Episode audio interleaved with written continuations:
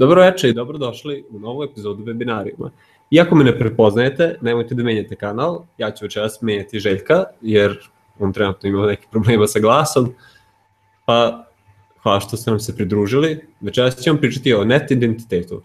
Sa mnom je večeras tu Predrag Milićević iz Registra nacionalnog internet domena Srbije. Dobro večer, Peđa. Dobro večer. Recite nam e, za početak šta je to net identitet? A to je otprilike identitet samo na internetu. Neke zakonitosti, neke pravila koje važe, što kaže u nekom realnom svetu s ove strane monitora, važe u principu i tamo, ali pričat ćemo malo o tim nekim detaljima, da tako kažem, koje su važne za onaj drugi deo našeg života koji se odvija na mreži. Odlično. E, da napomenem gledalcima, pošto pretpostavljam da svi ovde se u neku ruku bave internet poslovanjem ili je internet deo njihovog poslovanja, e, da bez prisustva na internetu ni ne možete danas da poslujete i ovo je veoma aktualna tema za sve vas. Nadam se da ćete izvući pregršt korisnih informacija. Možete početi sa prezentacijom. Hvala. Znači, pričamo danas o net identitetu i za početak prvo da vidimo šta je to identitet. E, možete ovde pročitati recimo jednu definiciju koju sam skinuo sa Free Dictionary. I ono što bi ja istakao u ovoj definiciji je sledeće, znači e, da bi neko imao identitet treba da ima nekakvu jedinstvenu karakteristiku koju nema niko drugi. A sad pročitajte šta na Wikipediji piše o tome. Ne vidim trenutno još prezentaciju. Ne. Aha. Treba screen share. Samo, samo sekund, odlično, ja sam počeo sam za sebe, a bilo bi lepo da vidite i vi. Da li sad vidimo? Vidimo. Ok. Znači, evo ovako, nismo stigli dalje od prvog slajda. Na prvom slajdu možete da pročitate prvo šta piše na Free Dictionary vezano za identitet. Ovde bi istakao sledeće detalje, znači da bi neko imao identitet e, mora da ima neku jedinstvenu karakteristiku koju nema niko drugi. A sad pročitajte šta Wikipedia kaže o tome.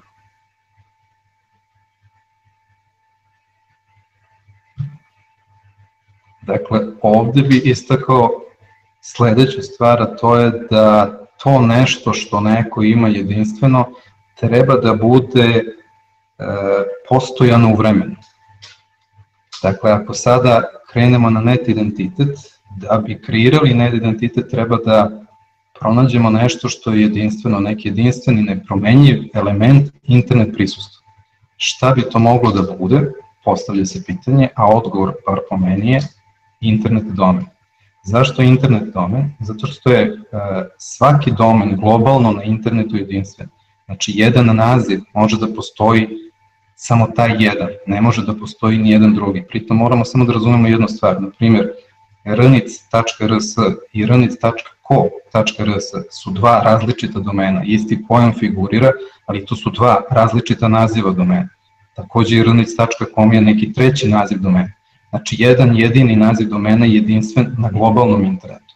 I s druge strane, apsolutno je postojan, nepromenljiv, svet dok ga držite registrovan, sad dok ste vi korisnik tog domena, on je vaš i na neki način nas identifikuje i definiše. A zašto je domen kao takav bitan na internetu? Zato što on čini web adresu i čini mail adresu. Znači dve vrlo bitne komponente nečeg prisustva na internetu i samim tim i njegovog identiteta se oslanjaju na domen. Bez domena te dve adrese ne bi mogli da formirate i praktično ne bi mogli da izgradite svoj identitet bez toga. E sad, da pričamo malo o društvenim mrežama. E, vrlo često se kod nas posebno sreće mišljenje da je dovoljno biti na nekoj društvenoj mreži. Pa ajde da kažemo Facebook kao neki glavni predstavnik društvenih mreža kod nas u Srbiji, i mnogi ljudi i poslovni ljudi, znači i poslovno i privatno su prisutni na Facebooku i ako imaju stranicu na Facebooku misle da su time izgradili nekakav svoj identitet. Međutim, to nije baš tako. Iz prostog razloga što je Facebook.com kao domen nečije tuđe vlasništvo, isto tako je i Twitter.com, isto tako i Flickr.com, i Tumblr, i LinkedIn, i svi mogući komovi na kojima su sve te društvene mreže, svi su oni u vlasništvu nekog drugog. I taj neko drugi može da vas pusti da koristite tu mrežu i da mislite da je to vaše, da je to vaš profil, da je to vaša stranica, da tu kačite svoje sadržaje, ali isto tako može u određenom trenutku i da vam uskrati prisustvo. Vi ste praktično podstanar na društvenim mrežama, nijemate nikakvo vlasništvo na njima. I kao i svaki podstanar koji ima svog gazdu, taj gazda može da ga u nekom trenutku udalje. Znači, primer iz prakse, iz života, što bi se reklo, e, jedan moj dobar drug koji je otprilike tu negde, verovatno, generacijski mnogo bliži vama nego meni, pošto uh, voditelj ove, da tako kažem, emisije bi trebao tu negde da bude ovaj, generacijski, pa pretpostavljam se ostali slušalici. Negde u svakom slučaju, znači jedan mlad čovek, vrlo verziran u društvene mreže, vrlo poznat na društvenim mrežama, čovek koji je pored svog profila vodio mnoge grupe na Facebooku i mnoge stranice u tom trenutku na Facebooku, zbog nečega što se desilo u nekoj Facebooku grupi, izgubio je pristup svom profilu kao moderator te grupe i samim tim on kao administrator svih stranica koje je vodio više nima pristup tim stranicama. Sad zamislite da izgradite svoj identitet na Facebooku, nešto se desi, prekršite najsvesno neko pravilo Facebooka, pritom niko ne zna koje su pravila Facebooka, pošto praktično niko ne čita one uslove koje Facebook napiše onako sitno. I vi ste izgubili tu stranicu, izgubili ste pristup svim sadržajima, kako se to odražava na vaš identitet? Znači, da, i samim uslovima korišćenja Facebooka piše da oni suštini polažu copyright na vaš tako sadržaj. Je, tako je, apsolutno sve što vi postavite na Facebook, to je njihovo praktično i oni praktično svim tim što vi postavljate na Facebook, sve što lajkujete, sve što radite, oni tim trguju, jer te neke informacije o vama i o stotinama hiljada drugih korisnika oni praktično prodaju onima koji se oglašavaju na Facebooku. Znači tu zaista ništa nije vaše, vi ste tu privremeno, možda na godinu, možda na 10, možda na 15 godina, ali ste privremeno. A ako vam se desi da vas gazda izbaci, vi onda od postanara postajete beskućnik. Znači jedina način da vi budete vlasnik nečega svog na internetu je da imate svoj domen i da na tom svom domenu izgradite recimo svoj sajt i da koristite na tom domenu svoju mail adresu. Tek onda ste svoj na svom i vi ste onda svoj gazda i onda zaista možete da kradite neki svoj identitet na internetu. E sad, ako možemo da se složimo oko toga da domen jeste zaista bitan za identitet na internetu, postavlja se pitanje da li je potpuno svejedno koji domen uzmete. E, ako se opet setimo činjenice da trenutno na internetu postoji preko hiljadu različitih domena, znači do pre godinu dana je bilo nekih 240, čini mi se, od kojih su najpoznatiji generički tipa com, net, org i tako dalje, još nekih 200 nacionalnih domena kao što su srpski RS, holandski NL, nemački DE i tako dalje. E, sad se pojavila ogromna količina novih takozvanih generičkih domena kao što su recimo top.berlin, .xyz i tako dalje, sad ih ima znači preko hiljadu. Da li je stvarno sasvim svejedno na kom domenu ćete da gradite svoj identitet? Ne baš, zato što je vrlo bitno kako vas Google vidi. Ja ću sada pričati neku, ajde tako kažem, priču iz e, perspektive nekoga ko radi i živi u Srbiji, a ta priča se odnosi na bilo koju državu u svetu. U uh, toj priči je Google jako bitan za nas posledno, recimo mnogo je manje bitan u nekoj Rusiji gde oni imaju neke druge pretraživače, ali recimo u Srbiji po nekim statistikama uh, oko 98% svih pretraga ide preko Google, tako da uopšte nije svedno šta Google misli i šta Google vidi kad ste u pitanju vi, vaši domeni, vaše prisustvo na internetu. A šta Google kaže? Google kaže sledeće, da 97% korisnika traži lokalna preduzeća online. A, najčešće ljudi misle, pa nije baš to tačno, znači ja idem tamo na neke BBC-eve sajtove ili šta znam, Huffington Post pa nešto čitam i tako dalje, kad nešto tražim pogledam, ne znam, na Amazonu, eBayu i tako dalje. I to je tačno, ali samo to nekle. Ako tražite neke gadgete, recimo da je to tačno, međutim ako ćete kupiti veš mašinu, teško da ćete kupiti na Amazonu, ako vam treba autolimar, nećete ga tražiti tamo, tražite ga negde u nekom svom okruženju, ako ćete kupiti, ne znam, modelo, cipele, uglavnom ćete tražiti nekog prodavca koji se nalazi negde u vašem okruženju. I Google tvrdi da je od svih pretraga koji idu preko njega 97% lokalnog karaktera, znači 97% svih pretraga se uh, locira u neko okruženje. Dalje, John Miller na zvaničnom Googleovom sajtu kaže sledeće. Kaže, uopšteno govoreći, mi koristimo, on pominje pojam country code top level domen, odnosno CCTLD, odnosno to se prevodi kao nacionalni domen, znači mi koristimo nacionalne domene za geotargetiranje. Znači, e, kad hoćemo da procenimo da li je sadržaj nekog sajta namenjen određenom tržištu, određenoj zemlji, mi koristimo uh, nacionalni domen kao parametar i trudimo se da mu damo blagu prednost u lokalnim pretragama. A da podsjetim još jednom, 97% svih pretraga su lokalne. Znači u 97% slučajeva Google daje prednost sajtovima na nacionalnim domenima. I opet na jednoj zvaničnoj Googleovoj stranici piše sledeće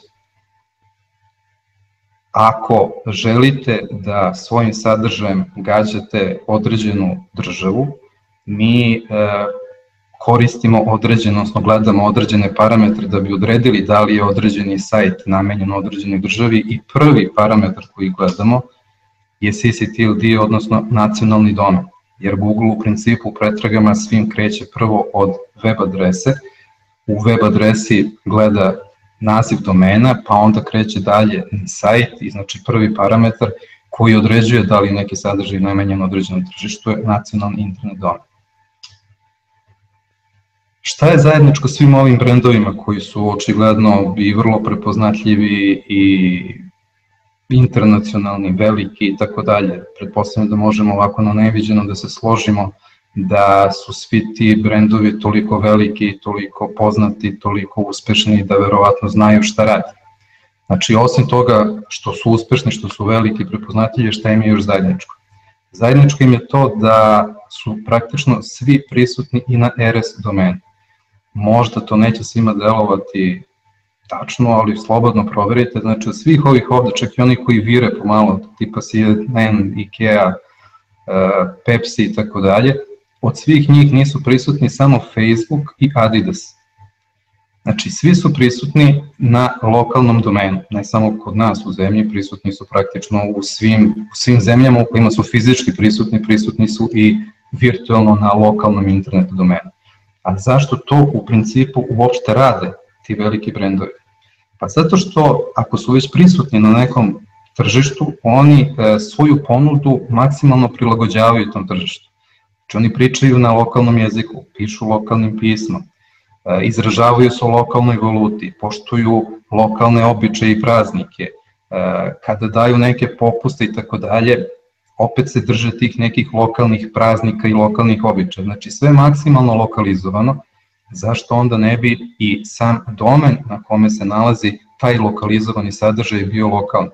I takođe, oni su svesni još jedne činjenice, to je da je i Google konkretno u Srbiji prisutan na RS domenu, što znači da ih on iz Srbije na RS domenu takođe pretražuje i oni e, čine sve što je u njihovoj mogućnosti da u pretragama na Google budu što bolje pozicionirani. Ako pretražujete pojam McDonald's iz Srbije, na prvom mestu će biti mcdonalds.rs, Napominjem ovde jednu zanimljivost. Ja nisam pretraživao McDonald's onako kako se izgovara na srpskom i kako se piše na ćirilici. Jer recimo Google pretpostavlja, odnosno očekuje ako vi to radite iz ćirilice da radite na srpskom jeziku i na ćiriličkom pismu koje on prepoznaje kao jedino zvanično pismo u Srbiji. Ja sam to radio na latinici i onako kako se inače kako se McDonald's piše u svetu. I uprko svemu tome, mcdonalds.rs je izašao kao prvi link na Googleovoj strani kao rezultat pretrage. Pogledajte kako Coca-Cola koristi domen. Znači na Coca-Cola.com sajtu, za koji bi verovatno svi mislili da je ono glavni Coca-Cola sajt na kome se sve dešava, Coca-Cola.com sajt koristi u stvari kao listing uh, svojih prezentacija po celom svetu. Znači prvo imate spisak svih, svih kontinenta, a onda u okviru određenih kontinenta imate spisak zemalja gde je Coca-Cola prisutna. Konkretno, evo, kad je u pitanju Evropa, ona će vam izlistati sve zemlje u kojima je fizički prisutna i u svim tim zemljama Coca-Cola je prisutna i na RS domenu. Pošto je Evropa u pitanju, evo tu smo i mi, znači oni su u Srbiji takođe prisutni na RS domenu. A, možda bi se neko sada zapitao zašto se Coca-Cola toliko trudi oko svih tih lokalizacija na internetu. Mislim, svi znamo ko, šta je Coca-Cola, ona je, ako se ja ne varam, drugi najpoznatiji pojam globalno na svetu posle pojma OK. Ako se Coca-Cola ovoliko trudi da lokalizuje e, svoje proizvode i svoje prisustvo na nekom tržištu u offline svetu, zašto to ne bi radila i u online svetu? Znači, evo na ovoj slici se lepo vide konzerve Coca-Cola gde nijedna nije na latinici ispisana e, na engleskom jeziku, imamo i ćirilicu, imamo arapski, imamo kineski, imamo razne jezike i razna pisma, pa ako to već radi u fizičkom svetu, zašto onda sve to ne bi uradila i u tom virtualnom svetu? I naravno, svi ti veliki brendovi su prisutni na društvenim mrežama, vrlo prisutni i vrlo ih dobro koriste, ali koriste za promociju svog prisustva na svom domenu.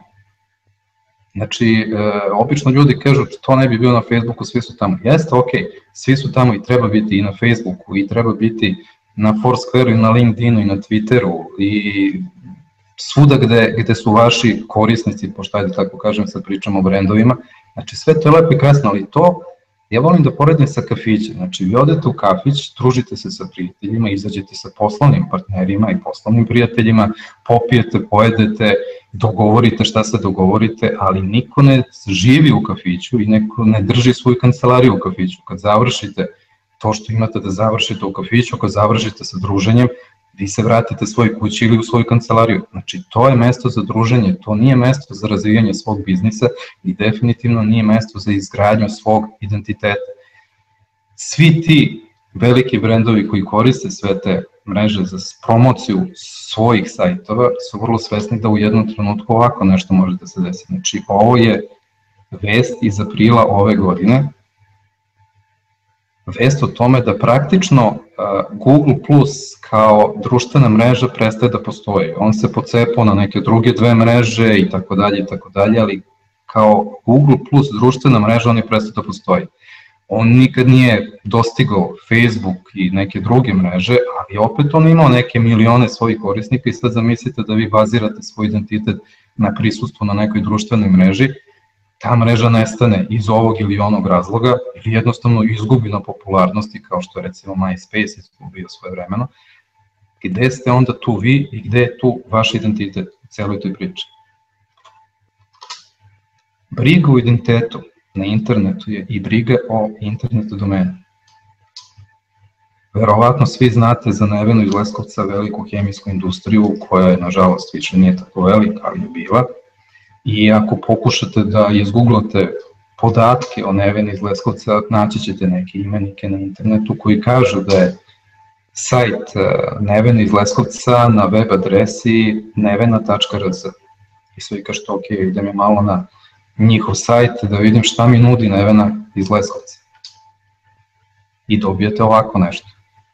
Znači nije greška, stvarno je sajt odnosno web adresa jeste neven.rs, ali očigledno na toj adresi više nestanuje hemijska industrija. Oni su iz nekog razloga u nekom trenutku ispustili taj domen, neko drugi je uzeo taj domen i desilo se ovo što se desilo. Da to nije specijalnost naših kompanija, pogledajte šta se desilo jednom Heinzu u junu ove godine. Uh, oni su napravili kampanju postavili su na bocu svog kečapa QR kod koji je vodio na sajt te kampanje gde su oni već radili šta su radili, delili, reklamirali, promovisali i ostalo. Završila se ta kampanja i oni su prestali da se brinu o tom domenu, istekla mu je registracija i domen je uzao neko drugi. Sticam okolnosti, korisnik kečapa je u Nemačkoj uzeo bocu, mislim još uvek je u roku trajanja bilo, znači ništa nije nešto bajato i tako dalje i kad je sipao ketchup vidi, on vidi QR kod, aha, pošto je ketchup još uvek dobar, QR kod verovatno funkcionalan, možda je kampanja još uvek u toku, nigde ne piše da je završena, ali piše da treba da se klikne na QR kod da bi se otišlo na sajt i kad je on to uradio nije otišao na Heinzov sajt, otišao je na porno sajt. Dakle, to je takvu gužvu napravilo u svetu, da su o tome pisali i BBC, Independent i Guardian i tako dalje, ali ovaj komentar ovde je jedan od tih raznoraznih koji su, odnosno tih mnogih koji su pisali o ovom slučaju mi je posebno privukao pažnju jer kaže uh, why you should hold on to your domains? U smislu uh, zašto je dobro da uh, brinete o svojim domenima pogotovo u tim nekim kampanjskim domenima, ako tako mogu da ih nazovem, i kad se kampanja završi. E, na stranu to što ste vi taj domen registrovali, što ste ga vi hostovali negde, što ste napravili sajt, ali vi ste uložili jako puno vremena i para da promovišete taj sajt kroz raznorazne komunikacione kanale, pa i kroz QR kodove na bocama i ko zna na čemu sve to. I kad ste sve te pare potrošili, kad ste sve te resurse iskoristili, kad ste potrošili to silno vreme, da naterate ljude da dođu tamo, kampanja se završila i vi pustite domen da ode. E, kolika je verovatnoća, znači da zanemarimo QR koda, koliko je verovatnoća da neko googla nešto ili traži na nekom pretraživaču, ne mora to bude Google, i da koristi neke ključne reči koje će ga dovesti baš do tog vašeg sajta koji ste vi onako uh, vrlo uh, dugo, vrlo uporno promovisali, vrlo uspešno promovisali, znači učinili ste sve što je do vas da neko ko traži taj neki pojam vezan za vaš brand stigne baš na vaš sajt. I onda ste ga pustili, neko drugi je uzo i registrovao taj domen i stavio na njega ko zna koji sadržaj i sad neko ko bi došao možda na vaš sajt da vidi nešto o vašoj firmi, o vašoj ponudi, završi eto već u dva slučajeva praktično na porno sajtu. E, ja moram ovde samo da napomenem jednu stvar, da mi u Ravnicu sve domene koje registrujemo za svoje kampanje registrujemo na 7 godina, jer to je neka procena da bi otprilike posle 7 godina više nisu toliko bitni. Ako ih koristimo u više kampanja, onda sve dok ih koristimo, praktično ovaj, ne brojimo te godine, nego kad poslednju kampanju završimo koju koristimo domen, još 7 godina posle toga mi taj domen ne puštamo na tržište. Da pitam, e, jel postoji neka vrsta copyrighta na svoj brand online ili je to uvek domen ko prvi njemu devojka? Ko prvi njemu devojka je u principu uvek, osim ako je neko uh, vlasnik žiga. Uh, u tom slučaju može vlasnik žiga da pokrene postupak pred arbitražnom komisijom i da dokaže da je on vlasnik žiga i da je taj neko drugi uzeo taj domen koji mu ne pripada. E sad, nije to baš uvek sigurno. Na Relnicovom sajtu na adresi relnic.rs možete se naći spisak svih arbitražnih postupaka koji su do sad rađeni za RS domen i naći ćete između ostalog i taj slučaj kada je Hyatt, znači hotel Hyatt nije uspeo da dobije domen hyatt.rs iz prostog razloga što je neka mala firma čiji akronim potpuno isti, ali koja se bavi potpuno drugim biznisom i koja uopšte to nije uzela zato da bi nešto ucenjivala Hayat, nego zato što je razvijala svoj biznis, uzela za sebe i koristila ga za svoje potrebe. Znači, ako neko uzme neki domen koji mu odgovara po određenim e, karakteristikama i koristi ga za svoj posao, čak i velika firma ne može da mu otme taj domen, ako mogu tako da kažem. Jasno, pogotovo ako je nešto široko ili neprecizno kao NRS. Pa da, evo recimo konkretno, mi imamo u Srbiji društvo informatičara Srbije, znači skraćenica DIS, imamo i trgovinski lanac DIS. Ko od njih ima pravo na domen dis.rs, na primjer? U svetu imate velike brendove koji su u potpuno različitim kategorijama, ali imaju potpuno isti naziv. Ko od njih ima pravo? Onaj koji prvi registruje, u principu. Kad su te tako kompleksne situacije, ako baš ne znam, ja registrujem domen mercedes.rs, velika je šansa da će da se javi Mercedes i da kaže izvini, šta ćeš ti s tim domenom, kakve ti veze imaš s Mercedesom i dobit će ga bez ikakvih problema.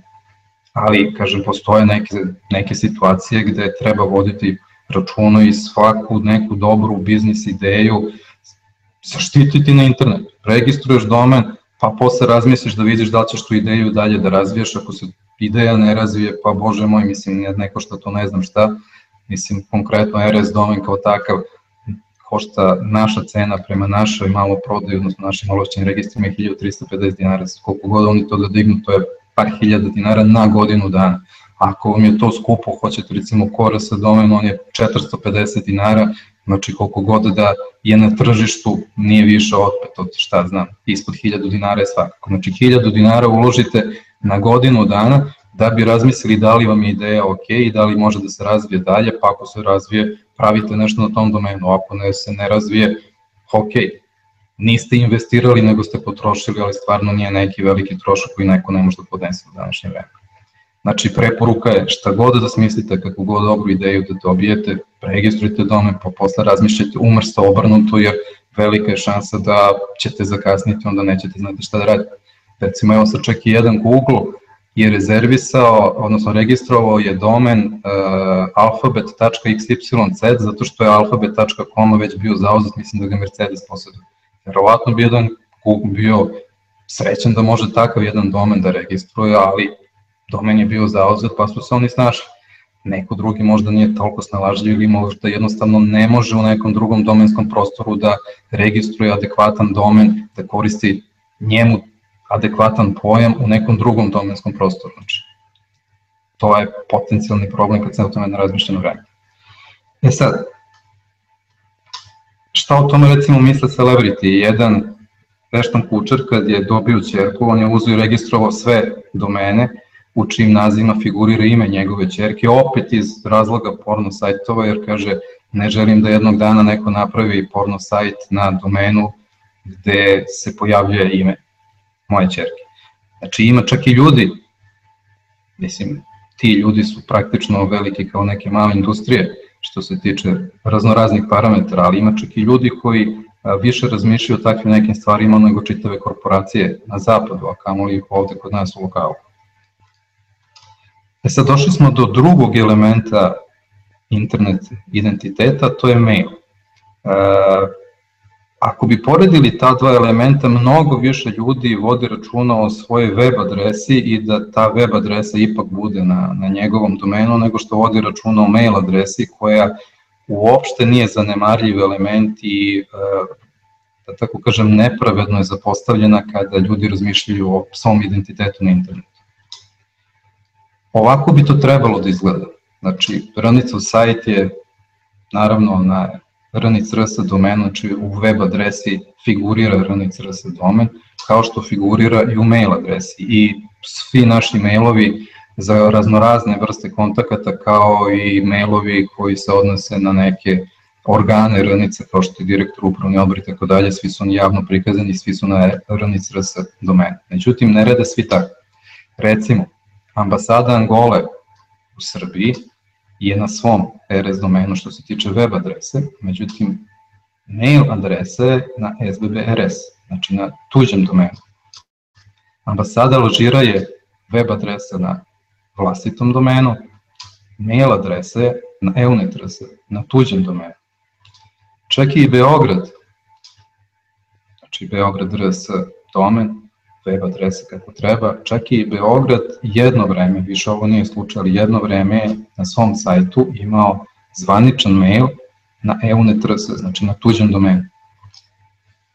Ovo je fantastičan primer. E, na moju žalost kao, ajde da kažem, predavača koji sad ne može da vam kaže idite na adresu tu i tu i vidjet ćete da je ovo zaista tako, ali s druge strane na moju veliku sreću kao nekoga koji je zaposlen u Ranicu i koji priča ovu priču upravo zato da do ovakve stvari ne bi dolazilo, odnosno da ljudi počnu da razmišljaju na pravi način. Znači ova stranica više ne postoji, sajt je potpuno prerađen i tako dalje, ali do pre jedno otprilike godinu dana ova strana izgledala baš ovako. Znači to je sajt Simpa iz Ranja, web adresa na domenu simpo.rs i onda kreće zanimljiviji deo. Poslovni centar Beograd je na domenu simpo.co.ju. U domen je prestao da postoji kraj marta 2010. godine, što znači u tom trenutku, kažemo, ovo je otprilike jednu godinu dana star print screen, u tom trenutku četiri godine već taj domen nije postojao kao takav, znači ne može da se komunicira preko njega. Sektor opremanja ima mail adresu na domenu eunet.ju, takođe mrtav domen. I još jednu rezervnu za svaki slučaj na sbb.co.ju, znači i osnovna i rezervna mrtve potpuno. Izvoz. Ima dve mail adrese, jedna je korektna na simpo.rs, ali za svaki slučaj imaju i na yahoo.com ako im iz nekog razloga zatreba za ne Bože. Zašto? Ne znam, ali verovatno su oni znali. I sad stignemo do marketinga i public relationsa i sad kažete, ok, tu su profesionalci, ljudi koji znaju kako se komunicira i tako dalje. I dobit ćete do mail adrese koja je na sbb.rs. Dobra stvar u ovome je bar da je taj domen zaista bio živ u tom trenutku i da je moglo da se komunicira preko takve mail adrese, ali ne postoji nikakav dobar razlog zašto bi neko koristio SBB-ov domen kad ima svoj, kao što se iz priloženog da videti u web adresi. I još jedan vrlo interesantan primer. Web adresa je na domenu Kiropraktike Beograd KRS, znači sve ok, tako i treba. I onda imate ovakvu mail adresu. Ova mail adresa kiropraktika inrs je redirektovan, odnosno sa tog domena je urađena redirekcija na onaj gore domen koji je u web adresi, a mail adresa je konfigurisana tako što je ceo domen stavljen s leve user strane maila i sve zajedno postavljeno na Gmail. Znači, pogrešno na više nivoa. Zašto ne valja koristiti te neke zajedničke adrese kao što su Gmail, Yahoo, providerske adrese i tako dalje, pogotovo kad već imate svoj domen i kad ste svoj sajt e, izgradili na svom domenu, imate u web adresi svoj domen. Znači, zamislite da ste vi sad u offline svetu, imate svoju kancelariju na svojoj fizičkoj adresi, ali ste svoje sanduče stavili u poslovni centar među desetinama drugih nekih malih firmi koje su iznajmile te neke lokale i sada sva vaša poslovna korespondencija umesto da ide preko vašeg sandučeta kod vaše kancelarije, ona ide preko poslovnog centra. I svi oni koji komuniciraju s vama znaju da se to sanduče nalazi u poslovnom centru, ne kod vas. Znači, kakvu oni imaju percepciju vas kao poslovnog subjekta i kakav je vaš identitet kod njih.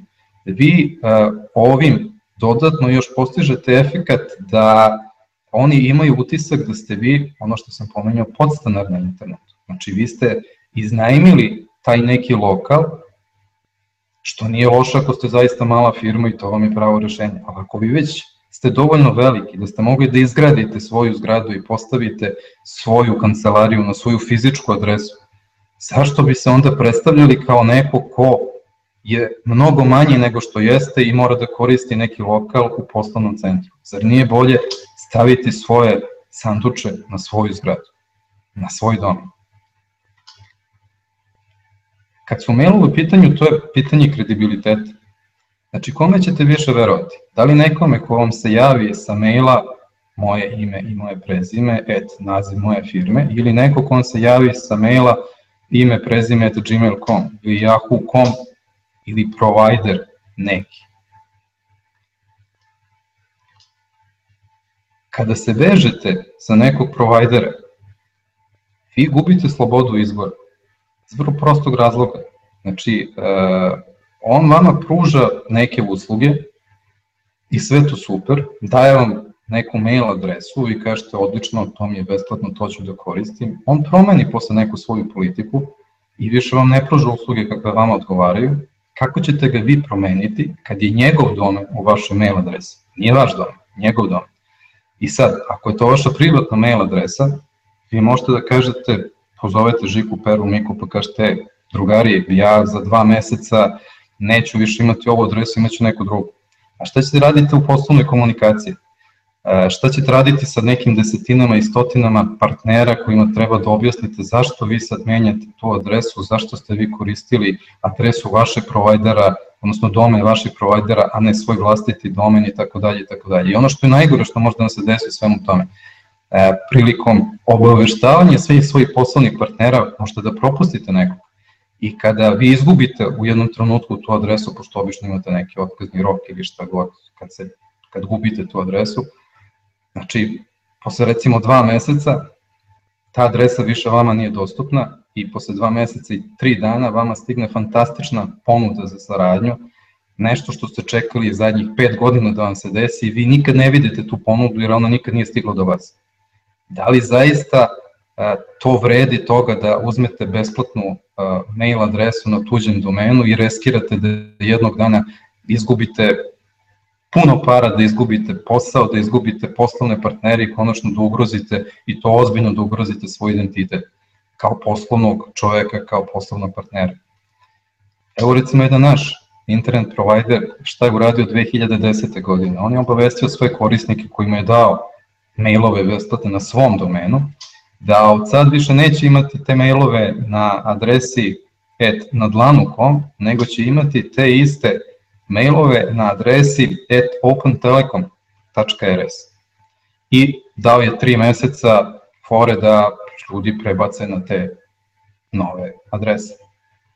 A onda je 2015. sad u aprilu ponovio otprilike isto. Sad je rekao, ok, a sad više Open Telekom RS nije vaša mail adresa, nego je MTS RS. I sada imate do 1. oktobra fore da obavestite sve koje treba da obavestite da pređete na nove adrese. E, moram da napomenem da ni ove dve strane više nećete videti na internetu, sad je opet MTS, odnosno Open Telekom RS je predirektovana na MTS RS i sve se dešava na ovom drugom sajtu, ali ovo nešto što se desilo. Uh, koje su njihovi motivi da zaista ne znam, ali moja priča je iz drugog ugla. Znači ja pokušam da objasnim nekome ko hoće da ima svoj identitet i ko hoće da ima sigurnu komunikaciju, da treba da koristi svoj domen, a ne tuđi domen, bez obzira da li je to domen e, provajdera, Google-a, Yahoo-a ili nekog trećeg. I ajde pričamo malo i o funkcionalnosti. Znači, da li je bolje da za svakog zaposlenog u firmi imate ovakvu mail adresu, znači ime, prezime zaposlenog, et, naziv firme, što je domen te firme, ili da imate ovakav jedan.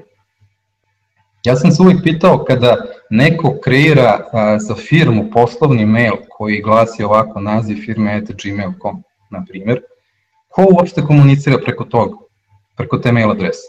Da li je moguće da u celoj firmi postoji jedna jedina osoba koja komunicira sa celim svetom, ili ako neko pošalje mail na tu adresu, onda taj mail dođe do svih zaposlenih, koliko god ih ima u firmi, pa onda oni pogađaju kome je taj mail poslat i onaj ko misli da je poslat njemu odgovara na taj mail, a možda se potrefi da 3, 4, 5, 6 njih odgovori na taj isti mail svako gledajući svog ugla i komunicirajući sa tim nekim ko je s polja taj mail. I ovo nije nikakav fiktivan primjer. Recimo, ako opet e, googlate jednu opet ozbiljnu firmu, Henkel Merimu iz Kruševca, dobit ćete informaciju da je zvanični mail te firme merima.ptt.rs. Iskreno, ja da dobijem mail od, sa te adrese, ja bi prvo počeo da se razmišljam da li poznajem neku merimu iz neke srednje škole ili sam se upoznao s nekom merimom na nekom skupu ili tako nešto, ne verujem da bi mi na pamet palo da mi se obraća jedna velika industrija Henkel merima sa maila koji tako glasi. I na kraju još jedna stvar, stvar je promocije. Zašto bi vi reklamirali kompanije kao što su Google ili Yahoo, koje su poprilično velike i koje poprilično imaju resursa za svoje reklamiranje ili svoje provajdere, kad možete sebe. Vi plaćate svojim provajderima za njihove usluge, da li oni vama plaćaju za usluge reklamiranja? O čemu pričam? Vi svoj mail lični stavljate na svoju vizit kartu koju delite na raznoraznim skupovima. Zvanične mail adrese tipa kancelarija et naziv firme.rs stavljate na memorandum, stavljate na kovertu. Mnogi stavljaju svoje mail adrese, ispisuju na automobile, ispisuju po ciradama, ispisuju na raznim mestima, e, na mnogim promotivnim, korporativnim materijalima i tako dalje. I onda ako vam se desi da iz bilo kog razloga morate da promenite tu mail adresu, osim što ulazite u raznorazne komunikacijne probleme koje sam naveo, ulazite u neke besmislene priče tipa šta sad da menjate ciradu na kamionu, da prefarbavate automobile i zašto bi to radili ako lepo možete odmah na svom domenu da postavite svoju mail adresu, da koristite svoju mail adresu na svom domenu da nemate nikakvih problema ni sa identitetom, ni sa komunikacijom, ni sa bilo čim, ni sa promocijom.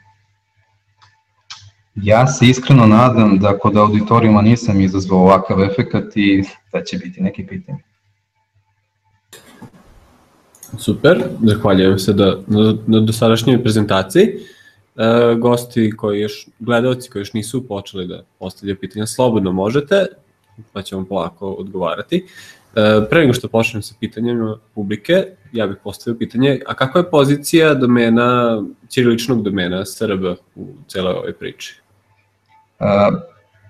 Njegova pozicija je slabija od RS domena, što i broj registrovanih domena pokazuje, ali postoji jedan objektivan tehnički problem koji nije samo problem Srb domena, nego je problem svih ne ASCII domena, ako tako mogu da kažemo. Malo da pojasnim za one koji recimo ne vladaju baš tom terminologijom.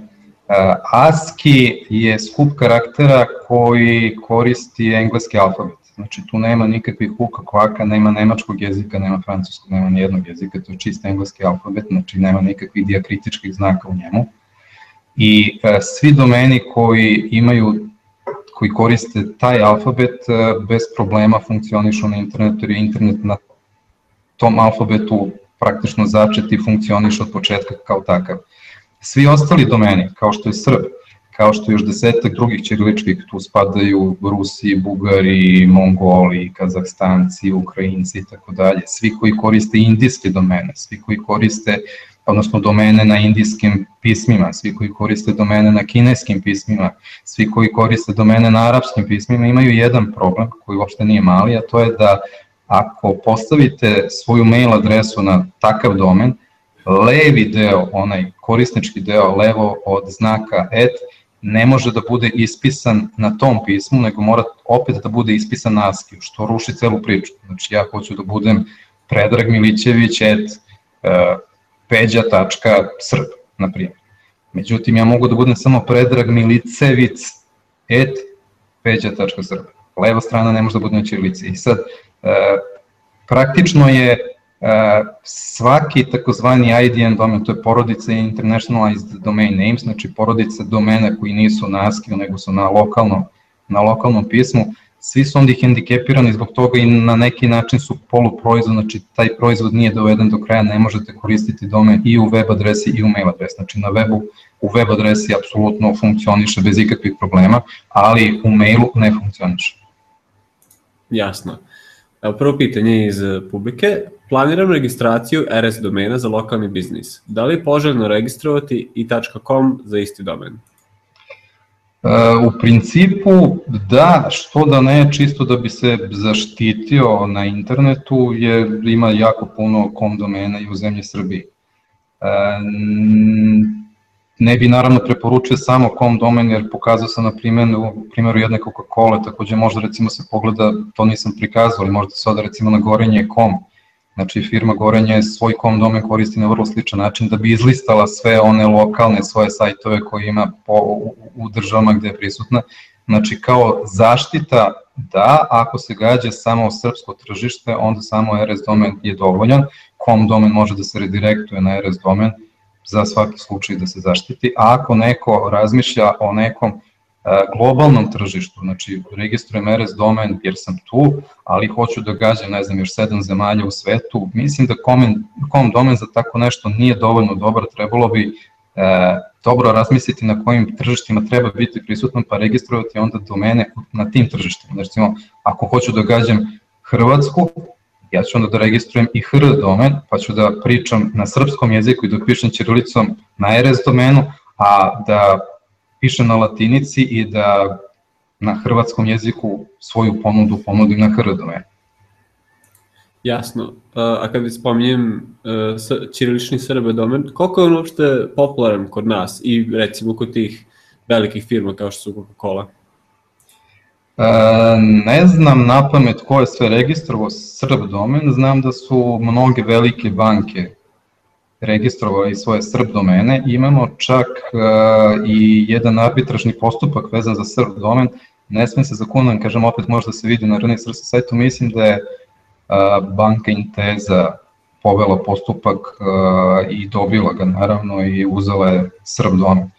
Znam da Apple ima nekoliko Srb domena registrovanih i recimo znam da Toyota ima Toyota Srb, i tako još nekih velikih brendova ima, ali definitivno nije ni blizu tako popularan kao Resedon.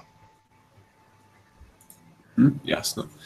E, pošto vas nisam kompletno predstavio na početku, da li možete reći čime se bavite trenutno u Ranicu? Pa, pa ako pročitam svoju funkciju koja piše na sajtu, ja sam uh, rukovodilac sektora za razvoj poslovanja i marketinga, ako ćemo da uprostimo to, znači bavim se marketingom i komunikacijama, što znači i marketinškim komunikacijama i PR komunikacijama i svim komunikacijama kojima se bavi neka firma i u offline-u i online. Jasno, hvala. E, meni izgleda da tu više nema pitanja, prezentacija je znači bila jasna. E, ili potpuno jasno ili nikom nešto nije jasno. da, da.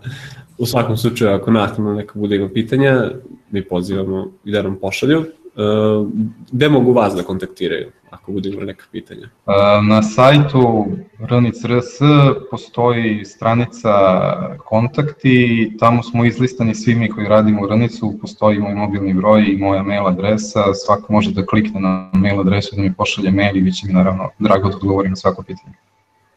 Naravno, da samo pišemo na at rnic.rs, da Da, da, sve su adrese na at rnic.rs.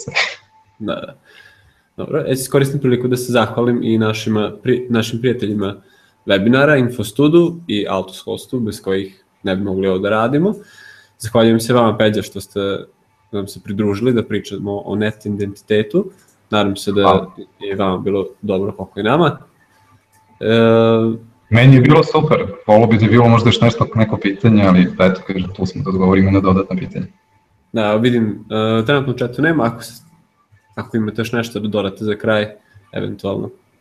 Pa, pošto sam pričao o domenima, identitetu i tako dalje, možda je bilo interesantno pomenem da nam je trenutno krenula jedna nova kampanja, mi volimo sve naše kampanje da zovemo promotivno-edukativne, više edukativne nego promotivne, jer zaista uglavnom pokušamo ljude da edukujemo o ovoj tematici. I ta kampanja je namenjena preduzetnicima, Znači, ljudima koji su uvek nekako na granici između fizičkog lica i pravnog lica, e, što bi rekli fizičko lice sa pečatom. I njima su praktično i namenjeni ti neki domeni koji imamo u ponudi koje sam pominjao, znači ko je RS domen koji je mnogo jeftiniji od RS domena, INRS domen koji je još jeftiniji od KRS domena i pokušavamo sad da im kroz tu kampanju ispričamo jednu priču kako bi mogli da svoj net identitet izgrade i kao posao, znači da imaju svoju neku adresu tipa naziv firme.kors i kao fizička lica, znači na adresi ime prezime.rs i da budu prepoznatljivi i, u, i, i iz jednog i iz drugog ugla, da što kaže, kako kažemo u kampanji, da mogu i komšije da ih prepoznaju na internetu kao svog komšiju i da mogu poslovni partneri i njihove mušterije da ih prepoznaju kao firmu, znači e, da i firma i vlasnik firme kao čovek imaju svoj identitet i da e, mogu da ga izgrade na dva različita domena, da ispričaju potpuno različite priče i da sve to bude pod kontrolom, jer neko ko, ne znam, je recimo špediter, možda privatno vrsni ribolovac i sad e, teško je ispričati svoju priču na zvaničnom poslovnom sajtu, a imate želju da se družite sa svojim prijateljima preko interneta, želite da podelite neke slike i tako dalje, a imate u vidu da društvene mreže su donekle sjajne za to, ali uvek postoji ona opasnost šta, šta ako i tako dalje. I onda eto, to je dobar način da za malo para možete čak dva identiteta da izgradite na internetu i da oba držite pod kontrolom. Korisne informacije. Da li možete, pošto sam sad dobio pitanje, uh, da li možete reći nešto više o programu, pitajte RS. Uh, To je vrlo interesantan program. Imali smo prvi put sad na Kopalniku za vreme nove energije i imaćemo na Webizu u novembru u Subotici u nešto manjoj meri. E, okupili smo na Kopalniku osam ljudi koji su stručni svako u svojoj oblasti i imali smo neke kraće prezentacije, posle toga odgovarali na vrlo zanimljiva pitanja. I ljudi koji uh, nemaju dovoljno možda informacije o svim aspektima uh, prisustva na internetu, poslovnom prisustva na internetu, ličnom prisustva na internetu, imali su prilike da da recimo razgovaraju na Koponiku sa Dankom Jevtovićem, direktorom Renica, sa Žarkom Tičekom, koji mislim da svima poznat preko interneta i na svim društvenim mrežama, vezano za prisustvo, poslovno prisustvo na internetu i knjiški moljac je bio treći sagovornik na, na, na Koponiku, izvinjam se, nije bilo 8, bilo nas je 12, pošto je bilo tri, tri čoveka u četiri bloka. Onda, recimo, Burek, Ivan Ćosić i ja pričali smo o brendiranju, pa je onda Lazar Bošković, Vlada Cerić i, i, i, i ne mogu sad se setim ko je sve bio u tom trećem bloku, ali možete sve da vidite na sajtu PTTRS i u četvrtom bloku gde je bilo oko reklamiranja, e, pričali su Jelena Ožegović opet iz Ranica, moja saradnica i koleginica, priču Ivan Rečević i na Bildi su pričali o tom aspektu. I bilo je, kažem, prepuna sala, bilo je vrlo interesantno videti sve te ljude, probili smo sve moguće termine, ne zato što smo mi se loše organizovali, nego zato što je stvarno interesovanje bilo veliko. Cela, to, pošto je bilo poslednjih dana, cela konferencija se, ako se ne varam, završila recimo u 7 mi smo sedeli do 8, u svakom slučaju sad duže su ljudi sedeli, nisu ustali, nisu odlazili, nisu se bunili, nisu zviždali, naprotiv bili su vrlo zainteresovani jer su imali jedinstvenu priliku da oči u oči pričaju s nekim ljudima koji su nešto uspeli da urade na tom internetu i koji su bili vrlo voljni da im objasne sve što ih je zanimalo. E sad na webizu će nas biti manje, bit će nas ukupno šest u tri bloka, u prvom bloku će pričati Vojislav Rodić, donedavno predsednik konferencije E, naše firme, inače čovjek koji ima 25-godišnje mislim, iskustvo na internetu i vezano za poslovanje na internetu. I drugi sagovornik će opet biti Žarko Tiček, u drugom bloku Ivan Ćosić i ja pričamo o brendiranju što offline što online.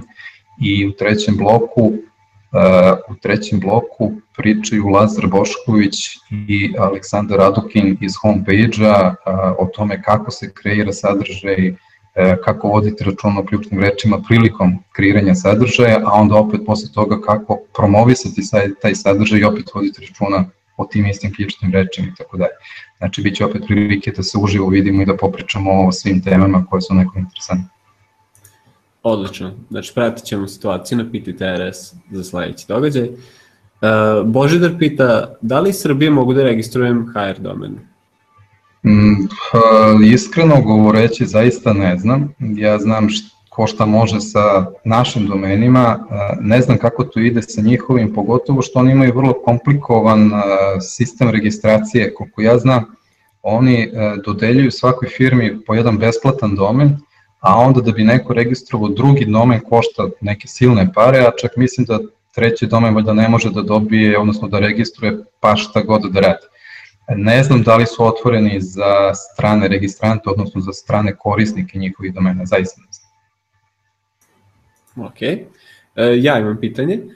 Uh, sem nacionalnih domena, koje su spomnjali da su bitni, pogotovo ako ciljamo određeno tržište i recimo .com domena, uh, da li ima još neki koji nisu nacionalni domeni da su interesantni, da su bitni, pogotovo recimo od ovih novih što se sad pojavljaju kao XYZ? Pa, teško je reći, ti novi domeni su se relativno skoro pojavili, mislim da su se prvi pojavili pre nekih godina i kusur dana, Uh, mislim da svi oni zajedno su dobacili tek, ja mislim, negde do 3-4 miliona, sve zajedno od, ne znam koliko ukupno ima domena, mislim da je preko 200 miliona. Znam da je ko, da je kom negde na oko 120, uh, net je valjda oko 15, org 10, pa onda imamo ove velike nacionalne domene, ne znam, Nemce, Engleze, Holandžane, u svakom slučaju nekih, ajde kažem, bar 160-170 miliona domena ima, znači oni su relativno mali prostor zauzeli pitanje kako će se razvijati, pošto su te krenuli, što znači pitanje ko će uopšte opstati za 2, 3, 5 godina.